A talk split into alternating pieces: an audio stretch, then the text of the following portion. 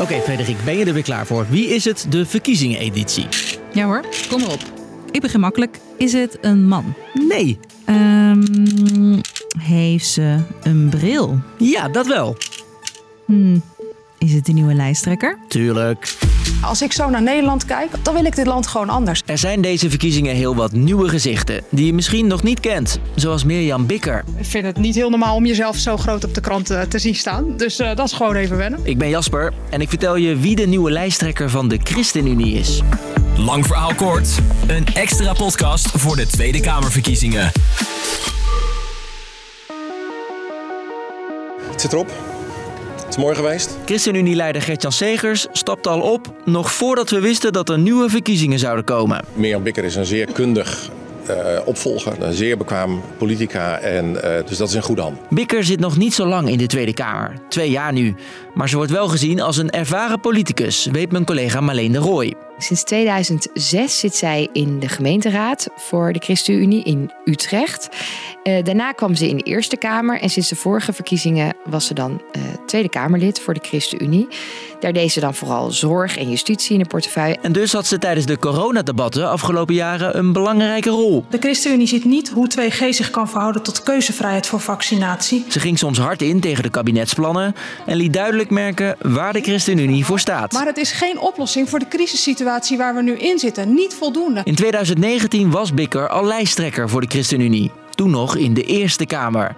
Nu is ze de eerste vrouwelijke lijsttrekker voor de ChristenUnie in de Tweede Kamer. Nee, ik heb hier nooit, uh, de, hier nooit van gedroomd, nooit naar, ver, uh, van, naar verlangd. Dus uh, er is een beroep op me gedaan en ik heb moeten wennen aan dat idee.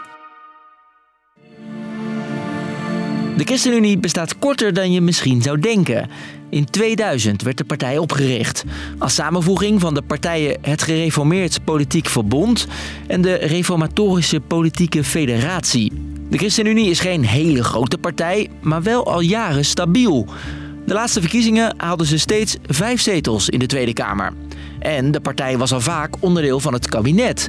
Sinds ze bestaan drie keer. Beste mensen, regeren is niet alle dagen feest. Dat ze zo vaak meeregeren is volgens Marleen niet zo gek. Nou, die partij is er echt van overtuigd dat als er een beroep op je wordt gedaan, dan moet je in ieder geval kunnen onderzoeken of je daar ook echt iets aan kan bijdragen. Moet je in ieder geval het gesprek aangaan en kijken op welke vlakken kan je elkaar vinden. Al heeft dat de laatste keer wel voor compromissen gezorgd waar de partij niet per se blij mee was. Voor hun zijn vooral die medisch-ethische kwesties zijn heel principieel en lastig. Maar ook op het gebied van migratie. Uh, ja, dat is een uh, overtuigingskwestie. Uh, waarin ze eigenlijk het compromis niet echt werkt voor hun. Afspraken over bijvoorbeeld abortus probeerden ze daarom zoveel mogelijk uit het regeerakkoord te houden. Als het daarmee aan Bikker ligt, zit de ChristenUnie trouwens na deze verkiezingen niet per se weer in het kabinet. Voor mij macht is niet het belangrijkste. Dat zijn onze idealen. Dus je vindt hier niet iemand die eager is om in een kabinet te komen. Integendeel.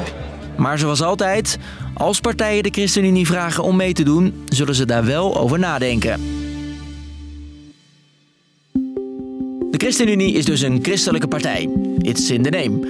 Maar wat betekent dat eigenlijk voor de standpunten? Hun basis is wel toch wel dat het gezin de hoeksteen is van de samenleving, dat dat centraal staat. Maar ze zijn wel minder streng dan bijvoorbeeld die andere christelijke partij, de SGP. Ik kom hier niet met gouden bergen, met fantastische beloftes en veel gratis bier, alsof de ChristenUnie alles zomaar even fixt. Welke plannen heeft de ChristenUnie dan wel, Marleen? Als je echt kijkt naar hun verkiezingsprogramma, dan gaat het ook veel over de groene economie die ze willen dat Nederland gaat brengen. Ze willen ook dat er kleinere verschillen zijn tussen rijk en arm.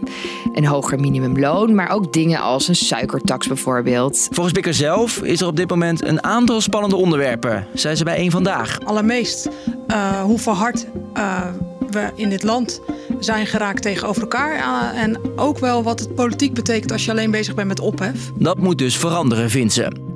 Vergeleken met de andere christelijke partijen wordt de ChristenUnie vaak als wat linkser gezien. Maar volgens Bikker is er wel echt een verschil met bijvoorbeeld de SP of PvdA GroenLinks.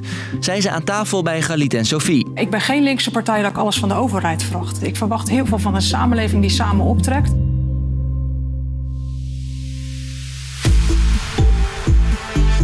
Dus, lang verhaal kort.